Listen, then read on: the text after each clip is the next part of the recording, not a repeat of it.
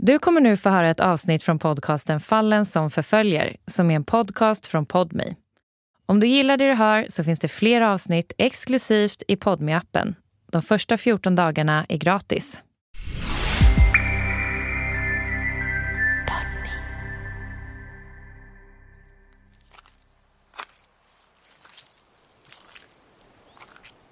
Det är väldigt eh, blött och sankt för det är rätt så nära eh, ån.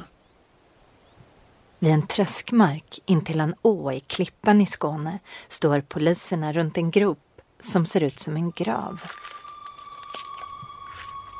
Någon har lagt vass från åkanten för att försöka dölja den nygrävda gropen. Polisernas skor sjunker djupt ner i den blöta marken och sugs fast så fort de tar ett nytt steg runt gropen. Det är vårvinter och regnet hänger i luften. Jag tror vi la dit eh, stora limträbalkar så de hade någonting att stå på. Poliserna gräver i tystnad då något som liknar ett jeanstyg dyker upp. Så blottas även en hand i gyttjan. Bland annat tar man dit brandkåren för att pumpa efterhand. Samtidigt befinner sig polisen Börje Sjöholm i ett konferensrum långt ifrån träskmarken. Och fick ju reda på det här via telefon. Börje är i Malmö på ledningsgruppsmöte när han får reda på att ett nedgrävt lik har hittats i hans distrikt. De hittar ju en man som är nedgrävd. Stående faktiskt med fötterna längst ner. Ja, jag förstår fortfarande inte riktigt hur de har grävt för att få ner honom stående. Man har använt en så kallad korp, man har inte använt en speciell spade. Men det måste ju vara mycket lättare att gräva och lägga kroppen liggande. Men det har man inte gjort. Så jag, vet, jag har faktiskt inte fattat hur de har grävt. Samtidigt som Börje sitter fast i sitt möte jobbar hans kollegor metodiskt vid träsket intill ån. Och Börje vill bara åka dit. Om man som jag har jobbat med grova våldsbrott och grov organiserad brottslighet så, så går man ju igång när det är någonting. Kroppen blir nu allt mer synlig i gruppen men det går sakta. För det är lerigt och det är halt. Så man har ju problem med att eh, hur man ska få upp den här kroppen. Två kriminaltekniker går omkring på det avspärrade området och har sina blickar fästa vid marken runt gropen. Ögonen letar. Ja, en eh, erfaren och duktig kriminaltekniker går ju där och funderar på vad som kan ha hänt och så ser han en spottloska. Kriminalteknikern sätter sig ner på huk och tar tillvara på spottloskan och han säkrar den för han tänker faktiskt tanken att om jag håller på att gräva ett djupt hål här så blir jag ju andfådd och snorig och svettig och så kan man lägga en spottloska. Så han säkrar ju den och den är ju otroligt viktig i utredningen visar sig senare. I samma stund som teknikern hittat och tagit tillvara på spottloskan börjar ett regn falla över träskmarken i klippan. Om han inte hade säkrat den då rätt så tidigt så hade den ju försvunnit. Ja, spottlåskan är nyckeln till allting.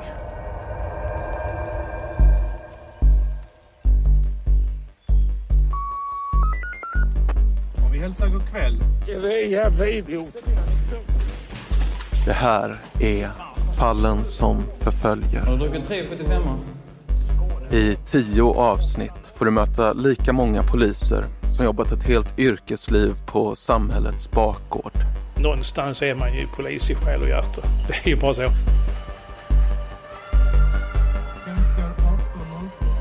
Varje berättelse fokuserar på ett specifikt fall. Ett fall som format deras liv och som framkallar både stolthet och smärta. Trots att blåljusen sedan länge slocknat. Välkomna det här avsnittet handlar om en man som hittas död i ett träsk i Skåne 2001. Leif GWs favoritsnut, Börje Sjöholm, tar sig an fallet om mannen vars undergång blev ett läskföretag. Det här är Begravd stående av Anna Åkerlund. Hej! Hej, Hej! Tack så mycket. Du lyckades ta dig in. Ja, men alltså vilken fin stad. Börje Sjöholm gick i pension 2016 efter 42 år som polis. Respekt skapar man sig genom sitt uppträdande och sin kunnighet. Så jag tror att man eh, behöver inte ha någon fancy Armani-kostym. Han bor tillsammans med sin fru i en lägenhet i centrala Helsingborg. Vi går ut på balkongen och Börje pekar åt vilket håll havet ligger. Alltså i Helsingborg är det status att bo så närma som man går ner och badar iklädd bara badrock. Ungefär som i Torekov det här att det är väldigt fint och då ska man ska helst eh, mannen och kvinnan, hustrun komma i likadana badkläder. Så nej fy fan aldrig i livet. Men jag går ner och badar på sommaren. Brukar du sitta här och fika? Ja, fika och ta en gin och tonic ibland. Och... Fast vi är ju inte så mycket hemma nu eftersom, eftersom vi båda är pensionärer. Så är vi mycket uppe i stugan. Hårt att vara pensionär. Det är jättejobbigt. Och nu är det golfen också så jag vet inte om jag ska hinna allt. Börje håller mikrofonen med båda händerna och han har plåster på huvudet. Han har tagit några prover på sjukhuset bara. Inget allvarligt, säger han. Börje Sjöholm är en av Leif GW Perssons favoritpoliser. Jag tror att han gillar att jag är noggrann, kanske lite analytisk eh, och att jag inte tar några genvägar utan jag gör jobbet. För mig är det viktigt. Alltså man,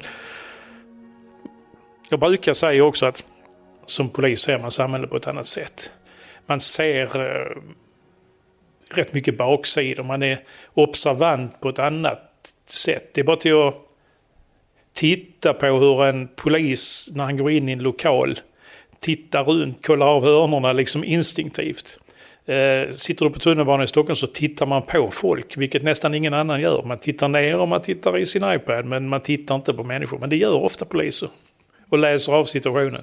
Instinktivt på något vis. För de kriminella identifierar oss direkt på den så kallade polisblicken eller snutblicken. Det syns. Börje Sjöholms karriär har varit minst sagt framgångsrik. Och Börje har funnits med på ett eller annat sätt i de mest omtalade mordutredningarna i Skåne sedan i början på 90-talet. Man får inte vara rädd för att blotta sig. Man måste ju våga visa att jag är bara en liten kille ibland. Och skäms inte för att säga att jag har stått och gråtit i duschen på morgonen och sen gått till jobbet. Det är så.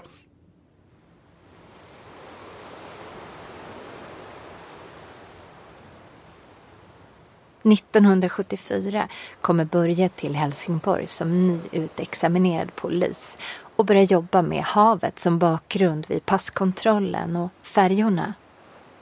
Sen har han gått från kommissarie till spaningsledare till Säpo. Och under en period var Börje operativ chef på Länskrim och chef för 400 personer. Han har också jobbat en sväng i Kosovo för EU och avslutade sin karriär med Kalla fall. En avdelning inom polisen med ouppklarade fall som gäller mord och dråp. Jag får ibland frågan, har du aldrig varit utsatt för hot? Nej, faktiskt aldrig. Och det tror jag beror på att man bär sig ordentligt åt. Jag tror på det.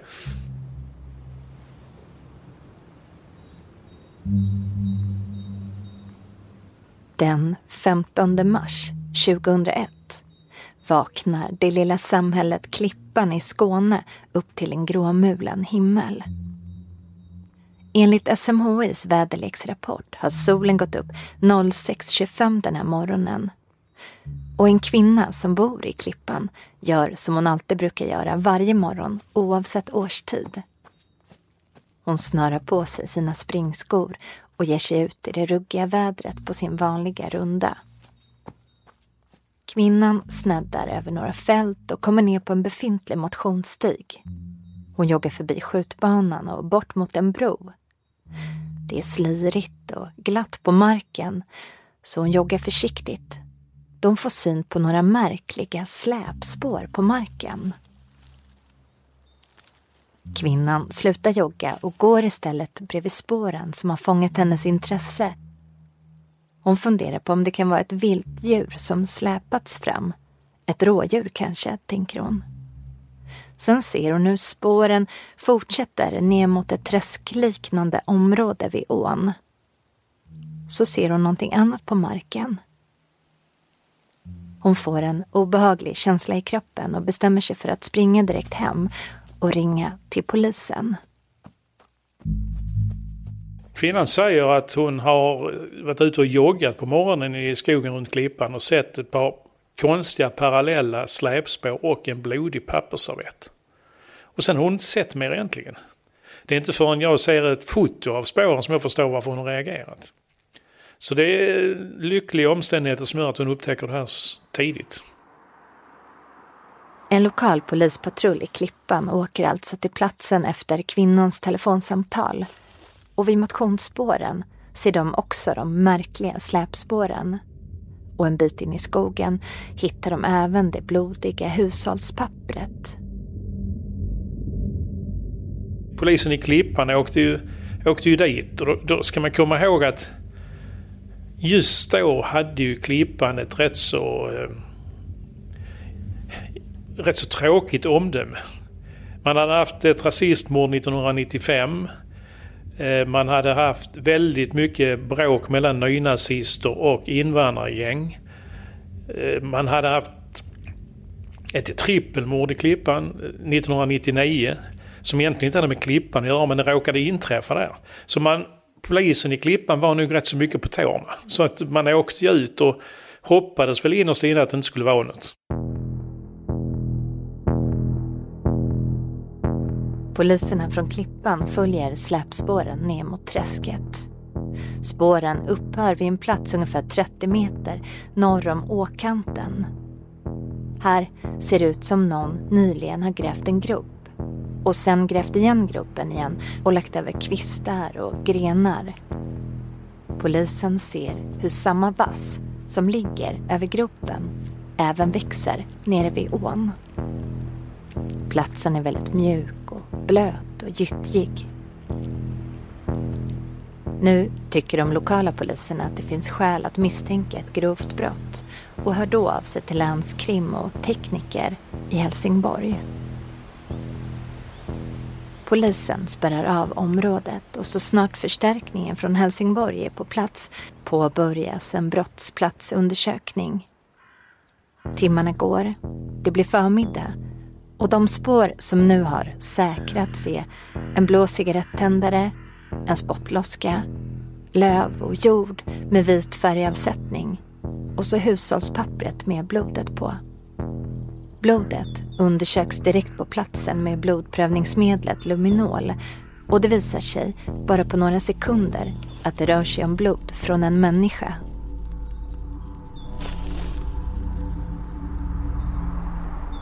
Nu har äntligen Börje Sjöholm kommit loss från sitt ledningsgruppsmöte i Malmö och kör snabbt i sin bil ut till kärret i Klippan. Ja, det håller ju teknikerna på att gräva om. Jag minns faktiskt inte om de har hittat... Alltså offret var ju nedgrävt stående. Så jag minns inte om han hade hittat översta delen av huvudet eller ej. Men det var ju rätt så klart att det var ett brott. Att det var, jag tror man hade hittat någonting som indikerade det. Den uppgrävda blöta jorden läggs på stora presenningar och kontrolleras noggrant. Brandförsvaret hjälper till och pumpar bort vattnet som hela tiden fyller upp gropen. Och klockan 14 har en kropp av en man frilagts från gropen. Kroppen är klädd i en skjorta, ett par jeans och ett par bruna lågskor. Kroppen läggs även den på en presenning bredvid gropen. En rättsläkare kontaktas och kommer till platsen. Signalementet på kroppen meddelas till spaningsledningen och därefter transporteras kroppen till Lund och till rättsläkarstationen. Det finns nu även hundförare på platsen och polisen börjar sakta plocka ihop sina saker. Men hundarna får jobba en stund till. Och det är nu som jakten på en mördare börjar.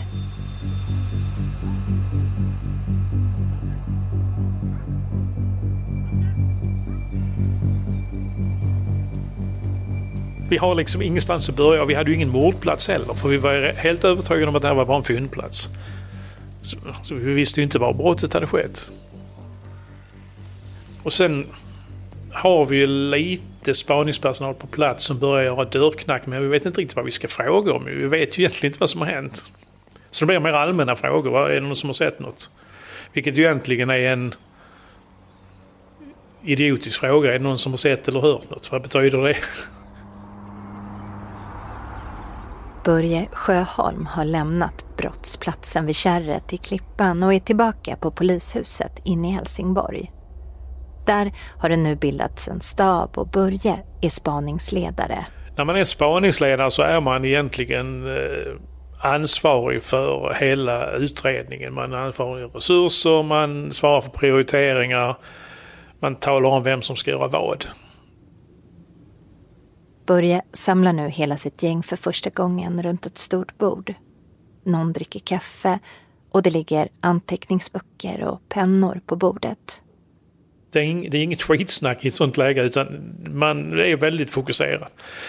För det är två grejer som man måste ta tag i som eh, spaningsledare. Dels är det ju själva förundersökningen.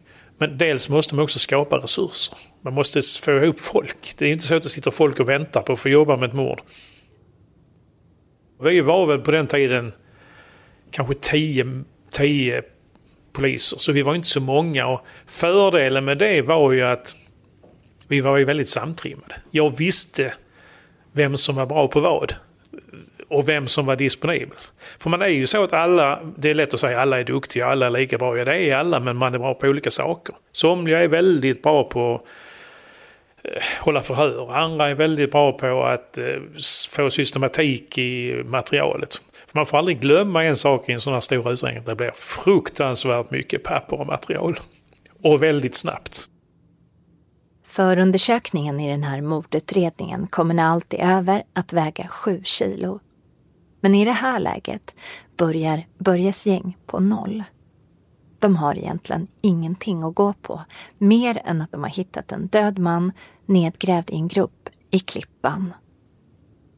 I det, I det här läget så måste vi, ju, måste vi försöka identifiera personen. Vi börjar gå igenom försvunna personer. Är det någon som är borta? Någon som är anmäld försvunnen? Vi hittar ingen som passar. Eh, så det, är ju, det blir nästan lite vänteläge där. Eh, I och för sig är det så att man hittar ett par kända kriminella som är i området och som är väldigt skitiga, som har en skitig bil. Så de hämtas in till förhör. Eh, men efter förhör som ju tar en rätt så lång stund så kan man nog konstatera att de är, som utredaren sa, de är skitiga på fel sätt. De är inte, de är inte jordiga och leriga utan de är oljiga och skitiga på det viset. Och det, problemet man har när man träffar på kriminella i ett sånt område det är ju ofta att de har ju varit ute på något annat eh, jävelskap. Och de här hade nog varit ute för att köpa knark. Och det vill de ju inte berätta. Så ibland är det nästan som man får tala om för dem. Nu är det så att vi håller på att utreda mord. Har du varit ute för att köpa amfetamin så säg det så vi kan släppa det här. Och du blir inte anhållen som misstänkt för mord. De två för polisen redan kända kriminella personerna som påträffades smutsiga och lortiga släpps snabbt ut från polishuset i Helsingborg igen. Och det som händer härnäst är att den döda kroppen obduceras på rättsmedicinska i Lund. Rutinerna en sån här gång i samband med ett mord är att även kriminalteknikerna är närvarande vid obduktionen. Och uppdelningen är den att kriminalteknikerna ansvarar för, kropp, för, för kroppen fram tills att den är avklädd. Kläder, säkringar av skador på kläder och sånt är teknikerns ansvar. När kroppen är naken så är det rättsläkaren som tar över. Men teknikerna är med och fotograferar och sen har de ju en nära dialog. För man måste ju jämföra skador på kläder med, med hur de sitter på kroppen och så vidare. Personen är ju av utländsk härkomst, det kan vi ju se. Eh, vi ser också att han är knivhuggen med, om jag inte minns fel, nio knivhugg. Och skjuten. Både skjuten? Både skjuten och knivhuggen. Och det kommer sedermera längre fram att få en väsentlig betydelse. Den döda personen är en man mellan 30 och 35 år. Han är lång, uppemot 190 centimeter. Börje berättar för sitt gäng om vad de nu vet. Och sen ringer Börjes telefon nonstop. Det är spanare från fältet som ringer in med nya upplysningar och massmedia som vill ha sitt. Och 16 poliser är nu igång. Alla vet att identifieringen av offret är nödvändigt för att kunna gå vidare. Polisen går bland annat igenom alla fordonskontroller som gjorts i och kring Klippan den gångna natten. Kriminalteknikerna är nu helt färdiga vid fyndplatsen och åker även de in till polishuset i Helsingborg. Och avspärrningarna hävs. Börje vet hur viktigt det är att inte stressa i det här läget. Alltså man kan ju förstöra väldigt mycket om man stressar. Tyvärr är det ju så att och har man förstört det så är det borta. Du får bara en chans att säkra de här fynden. Exempelvis Båtloskan, Hade vi inte tagit den dag ett så hade vi aldrig hittat den.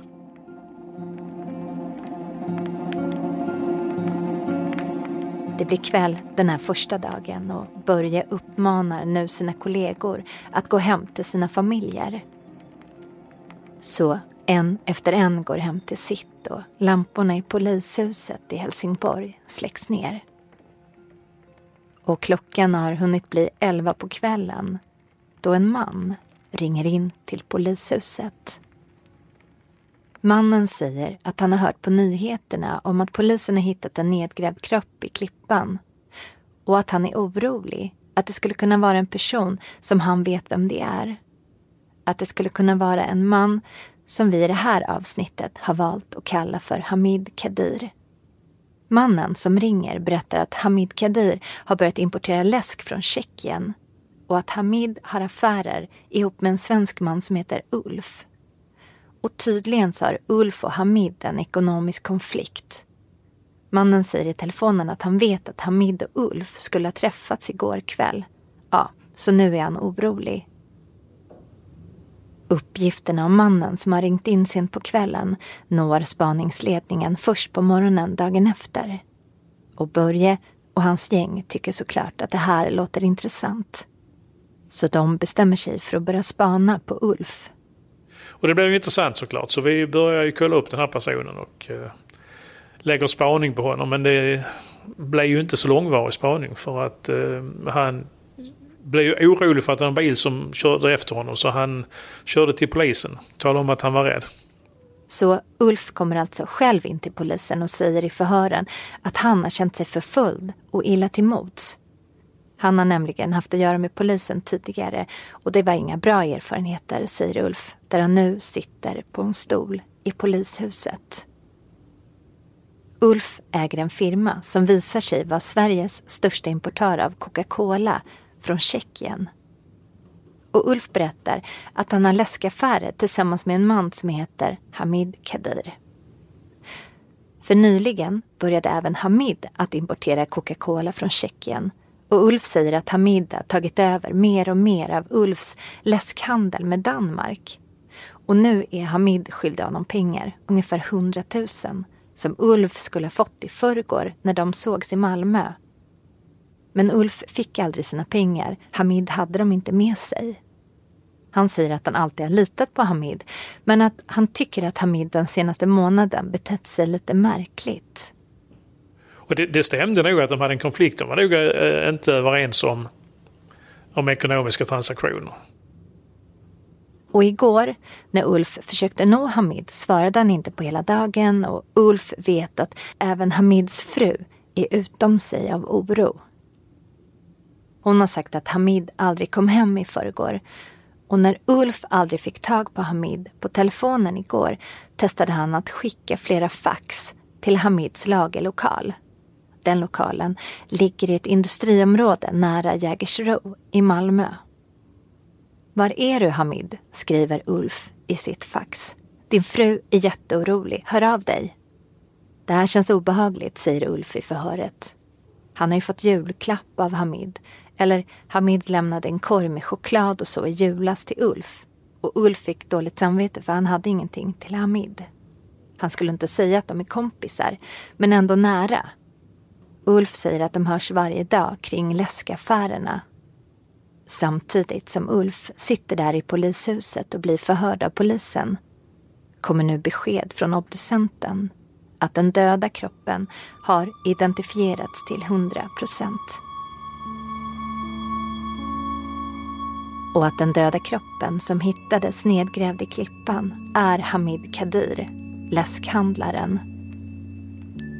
Alltså samma person som Ulf nu sitter inne i polishuset och är orolig för. Ulf blir förtvivlad när han förstår att Hamid är mördad han tänker på frun, säger han, och barnen och på vem som kan ha gjort det här. Det är så sjukt, säger Ulf. Äntligen sker ett litet genombrott i utredningen, känner Börje Sjöholm. Nu vet polisen alltså att den mördade mannen är Hamid och att Ulf har en tydlig koppling till honom.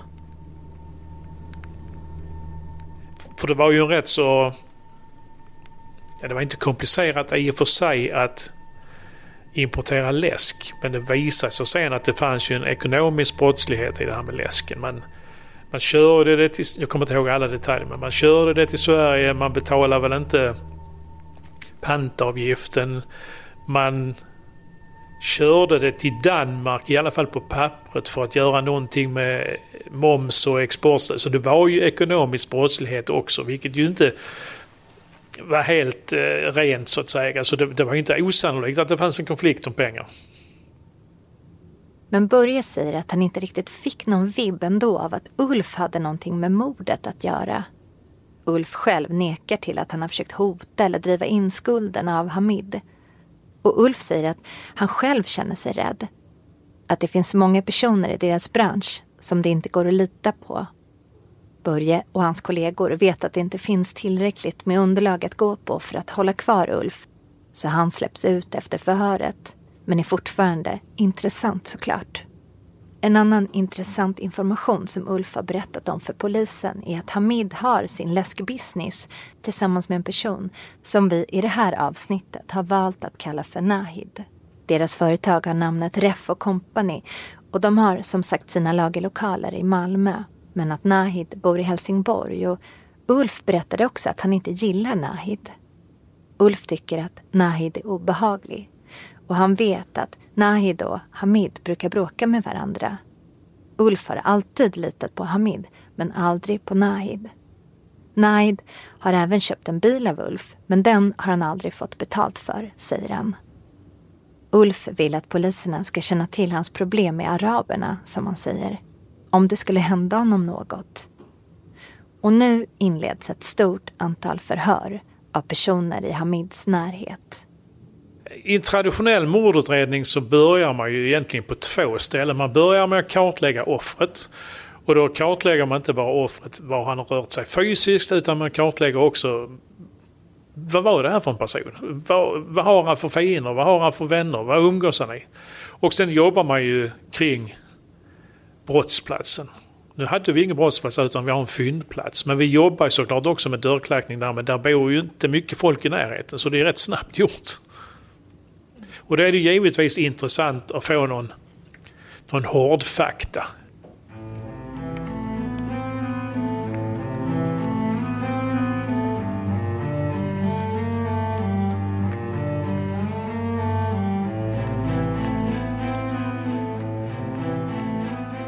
Så polisen fortsätter febrilt att leta efter just den typen av hårdfakta.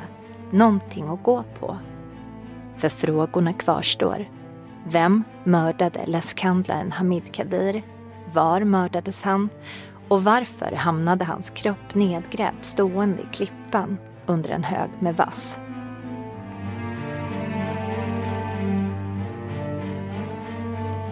Jag har inte fått någon snilleblixt på nätterna men när man är framförallt i uppstarten av ett spaningsmord så är man rädd för att glömma saker. Så det hände ju inte allt för sällan att jag hade ett block liggande sidan om eh, sängen på nattduksbordet. Så när jag var när jag skulle somna eller när jag vaknade och kom på något som jag inte skulle glömma så antecknade jag det och sen kunde jag somna och då visste jag att jag inte skulle glömma det.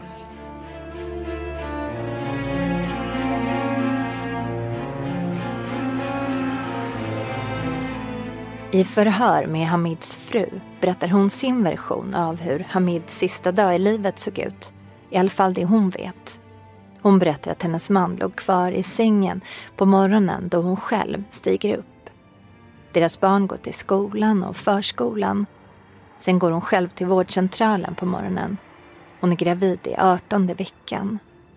Efter besöket ringer hon sin man Hamid från vårdcentralen innan hon ska gå hem. Hon vill att han ska hämta henne för hon är så trött. Blodbrist har hon precis fått veta.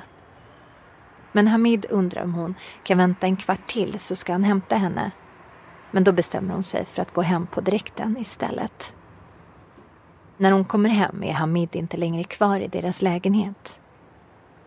När hon tittar ut från köksfönstret ser hon familjens parkeringsplats. Hon tittar efter Hamids BMW men den står inte där. Hamid har sagt att han ska till jobbet, vilket kunde betyda lite vad som helst, säger hans fru. Han har många ärenden som han måste uträtta. Sen hämtar hon ena barnet på dagis och det andra barnet kommer hem från skolan. Klockan sju på kvällen, när Hamid fortfarande inte är hemma, säger hon att hon börjar bli orolig på riktigt. Men då ser hon BMWn på parkeringsplatsen och blir direkt lugn. Men i nästa sekund, när hon tittar ut genom fönstret, är bilen borta. Och när hon då försöker ringa sin man Hamid svarar han inte. Sen säger hon att hon fortsatte att ringa sin man hela natten och att hon inte sov någonting och sen var det morgon. Hon har också försökt ringa Nahid, Hamids kompanjon som han har läskföretaget Ref Company tillsammans med. Så får Hamids fru till slut tag i Nahid som säger att han var tillsammans med hennes man i Malmö igår kväll då de skulle träffa Ulf. Men att de skildes åt runt 18 på kvällen och att han sedan dess inte haft någon kontakt med Hamid. Nahid lovar att han ska åka ut och leta efter Hamid men när Hamids fru har kontakt med Nahid under dagen så upplever hon att Nahid inte alls letar efter hennes man.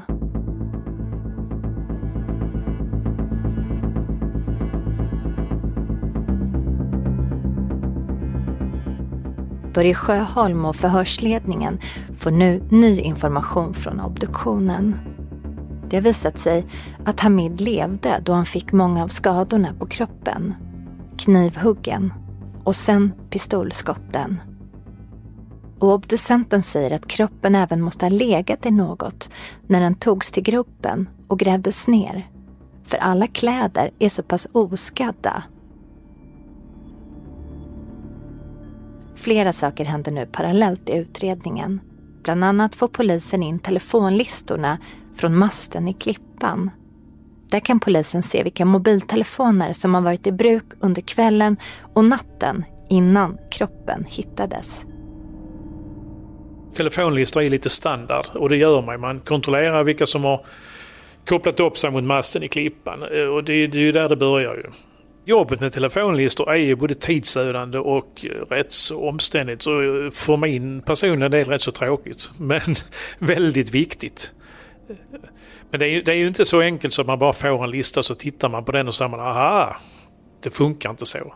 Nu är ju fördelen med klippan då kanske på natten att det är inte så hemskt många samtal där. Ehm, men man måste ju ändå ha någonstans att börja. Det är skillnad att ta en telefonlista i Stockholm city en fredag eftermiddag. Och då är det egentligen bara ett, ett eh, det är liksom bara ett noggrant jobb, att försöka se sam, sam, samband, sammanhang? Normalt sett är det en analytiker eh, som sitter med telefonlistan men i det här fallet så har vi en väldigt energisk åklagare som heter Lasse Danielsson. Så han kastar sig över de här listorna själv. Och han, jag vet inte hur många timmar och kvällar och helger han satt med de här listorna men till slut så kan han ju dem utantill. Och han, han, han är fantastisk. Han, eh, ja, Åklagaren Lars Danielsson sitter alltså med blicken fixerad vid telefonlistorna och ger sig inte. Och nu börjar polisen allt mer intressera sig för Nahid, alltså Hamids kompanjon.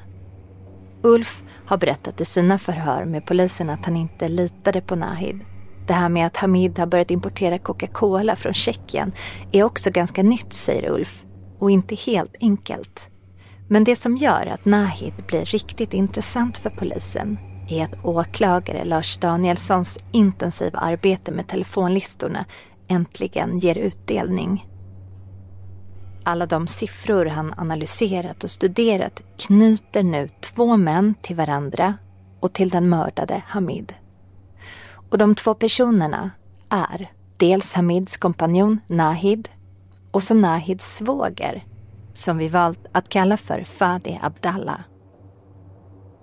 Masttömningen visar att både Hamids kompanjon Nahid och Fadi har befunnit sig i klippan under mordnatten. Det är ju två personer som blir intressanta utifrån telefonlistorna och om jag inte minns fel så är det också så att vi får in ett tips om de här personerna. Och det som då eh, kittlar till i mig är att ett av de namnen känner jag igen. Fadi Abdallah. Det namnet känner Börje igen mer än väl. Och enligt min uppfattning skulle han inte finnas i Sverige. För, för det är nämligen så att när jag jobbar på Säpo så handlar jag ett ärende om terrorism. Det blev aldrig något brottsmål, berättar Börje. Däremot blev Fadi utvisad från Sverige enligt terroristlagen. Så jag var själv med och flög ner honom till Beirut i ett privatplan. Och han blev utvisad på livstid. Så han borde inte vara i Sverige. Och jag liksom tänkte det här kan inte stämma.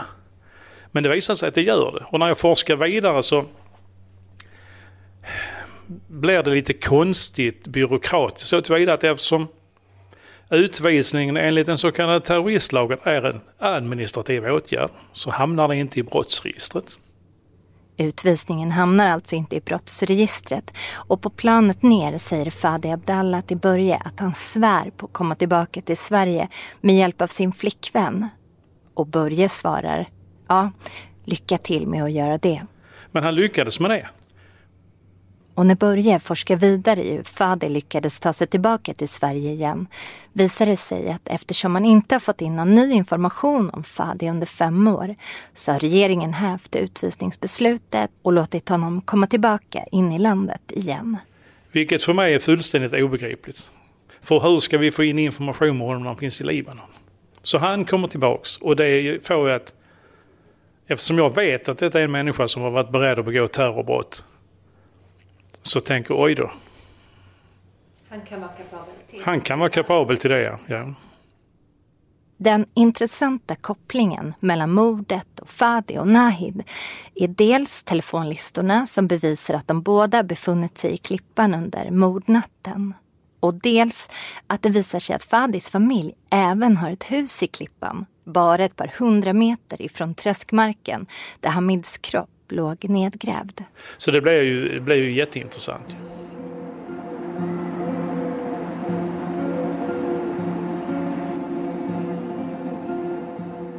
Det har nu bara gått en vecka sedan Hamids döda kropp hittades i Klippan. Och nu visar det sig att både Nahid och Fadi lämnade Sverige samma dag som Hamids kropp hittades. Och misstankarna stärks ytterligare mot de två männen. Nahid och Fadi lämnade Sverige och åkte via Danmark till Tyskland.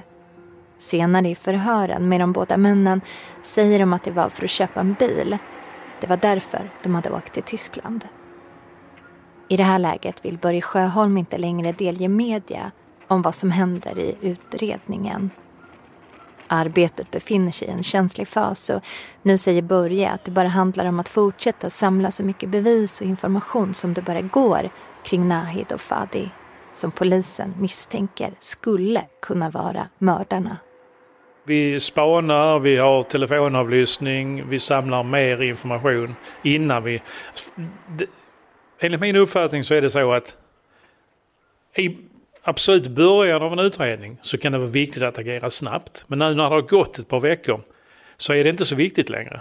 Utan då är det viktigare att har byggt upp det så man är nästan säker på att få dem häktade. För att ta in dem, få dem kanske anhållna, vara tvungen till att lägga en massa information som man har och sen släppa ut dem. Då är det kass. Så att här bygger vi och bygger och bygger tills vi tycker att vi har tillräckligt information för att ta in dem och vara rätt så säkra på att få dem häktade.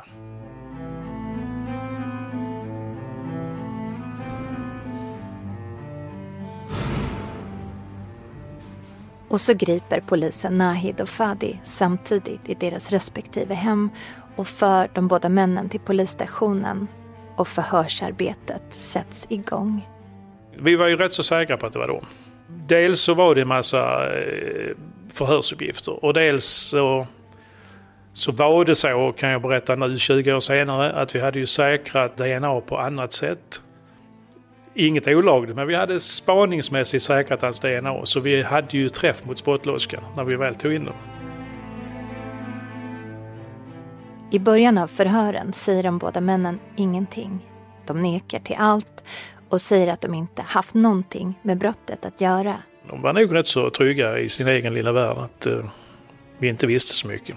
Men i takt med att polisen lägger fram bevis efter bevis blir det allt svårare för Nahid och Fadi att ljuga sig ur situationen. Det är Fadi som börjar prata först. Det man alltid har innan sådana här viktiga förhör är att man har ju lagt upp en taktik tillsammans med förhörsledaren. Så här, ja, jag och åklagaren, vi har ju varit involverade i, i det här taktiska upplägget.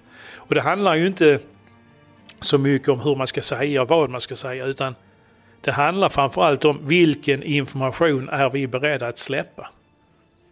För det får inte bli så att förhörsledaren i någon slags överambition släpper något tekniskt fynd som vi inte berättar om just då.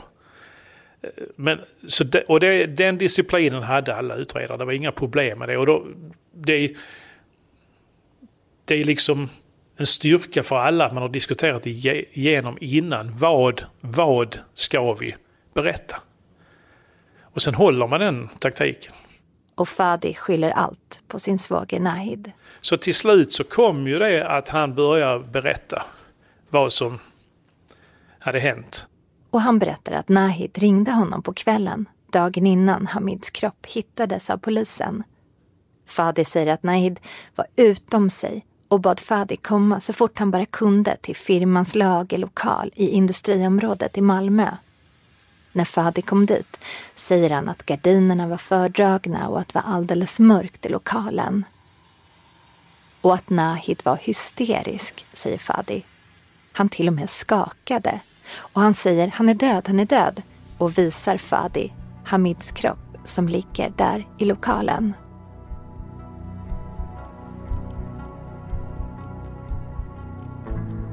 Fadi säger att han såg direkt att Hamid var död. Och Nahid säger att han precis har hittat honom här i lokalen. Fadi säger också att det inte var någon idé att ringa till polisen för sin svågers skull. I förhören frågar polisen om Fadi trodde att det var Nahid som hade dödat Hamid. Men Fadi säger att han vet inte vad han trodde. Han frågade inte. Nu var det mest akuta att göra sig av med kroppen. Och så berättar Fadi hur de hämtat servetter som fanns i lokalen och torkat upp blod och hur de har lagt plast i bakluckan på bilen. Sån plast som man har runt lastpallar där läsken brukar stå. Och att de även lindar in kroppen i plast och lägger den i bilen. Sen förklarar han hur de kör olika bilar till olika platser för att sen köra bilen som Hamids kropp ligger i till Klippan. Där kör de till huset i Klippan som tillhör Fadis familj och hämtar verktyg. Bland annat några trädgårdsredskap.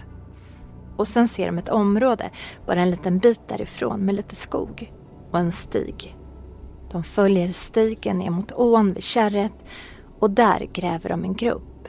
Kroppen har blivit tung och stel, säger Fadi, så därför måste de släpa den på marken. Därav släpspåren. Det är mörkt, säger Fadi. Och de gräver igen gropen och lägger dit vassen och grenarna. Lämnar tillbaka verktygen vid huset. Då tror Fadi att klockan ungefär är tre fyra på morgonen. Sen åker de in till Helsingborg och tvättar bilen på en bensinmack som har en självtvätt. Fadis beskrivning av hur allt har gått till stämmer överens med polisens alla samlade bevis. Tiderna stämmer mot telefonmaster och andra vittnesuppgifter, bland annat från kassörskan på bensinmacken, som minns de båda männen som köpte en självtvätt mitt på natten och varsin Red Bull. När polisen sen berättar för Nahid om allt det som Fadi har erkänt säger Nahid att han ljuger om allt. Men till slut blir även det ohållbart för Nahid. Då det inte råder någon tvivel om att både Fadi och Nahid befunnit sig både i lagerlokalen där polisen även hittat blod från Hamid. Polisen har förutom bevis via telefonmasterna även DNA-bevis. Och så minns ni spottloskan. De kände väl att, att det här det är svårt att komma ur eh, något vis. Framförallt det här med telefonerna. DNA-träffen tror jag inte de visste riktigt. Eh, jag minns inte när vi berättade det men eh, de... Nej, de, de tröttnade väl.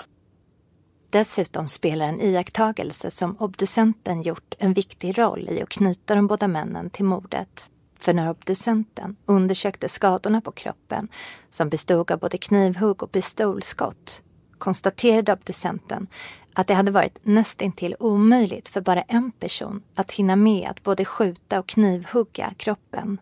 Han säger så här att både knivhuggen och skottet har varit dödande. De har kommit väldigt, väldigt tätt in på varandra. Det kan han säga av skadornas typ. Eh, och då ställer vi frågan. Har man varit en eller två gärningsmän? Hade man hunnit göra detta om man var ensam? Och då säger han vid första uttalandet, ja spekulativt så tror jag att det var väldigt svårt. Eh, att man skulle hinna göra detta själv. Men i sitt skriftliga utlåtande så skriver han faktiskt att det är sannolikt att det är två gärningsmän. För man hade inte hunnit ut, både knivhugga och skjuta inom den korta tidsperiod som det, som det handlar om.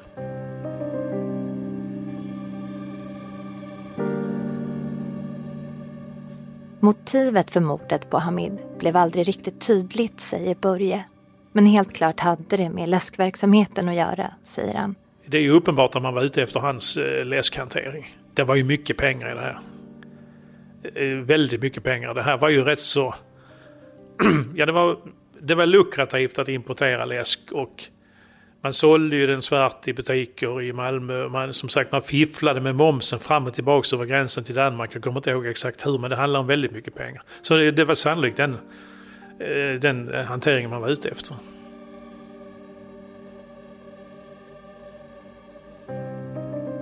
I ett av polisens alla förhör med personer i Nahid och Fadis närhet beskriver ett vittne de båda männen så här. Fadi är kriminell. Han har varit aktiv i en terroristorganisation som har mördande till yrke. Och Nahid är en person utan hjärta. Nahid blev tillsammans med en kvinna vars dåvarande man plötsligt bara hade drunknat. Men det här är som sagt bara ett vittnes egna åsikter.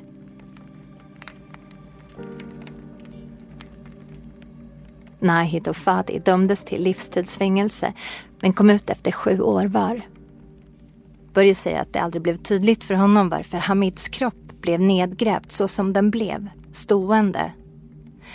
Kanske hade det med verktyget att göra som mördarna använde, en korvhacka. Kanske var det mest en slump. Men just den detaljen har Börje svårt att glömma. Sen säger han också att han gärna ville prata om just den här utredningen då han kände sig stolt över det arbete som polisen gjorde. Att de började med ingenting och lyckades gripa två mördare. Jag är väl så korkad så jag känner alltid hopp. Ända fram till att vi säger nej nu går det inte längre. Och I den här utredningen så, det var ju inte så att man hamnade i ett stiltje där vi säger nu har vi inte mer vi kan göra. Utan det hände saker hela tiden så det gick ju förhållandevis snabbt och det, det var ju action, det gick ju framåt. Så att eh, ibland kan man i utredningar hamna att vi har inte klarat upp det och vi kan inte hitta mer som är vettigt att göra. Och då blir det ju frustrerande. Och då får man kanske acceptera att nej, det här gick inte. Eh, men så kände vi nog aldrig i det här fallet utan det var, det var, eh, det var framåt hela tiden.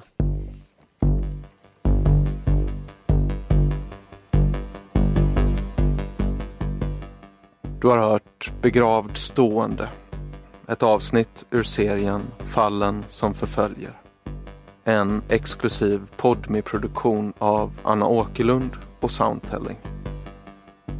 Musik i programmet Epidemic Sound och Soundly.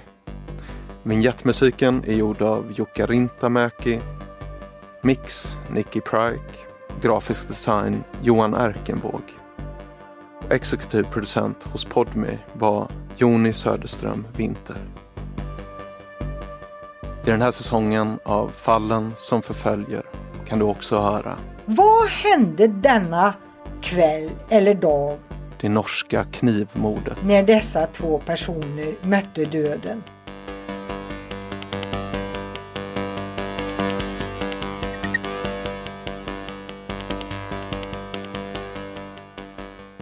Du har lyssnat på podcasten Fallen som förföljer.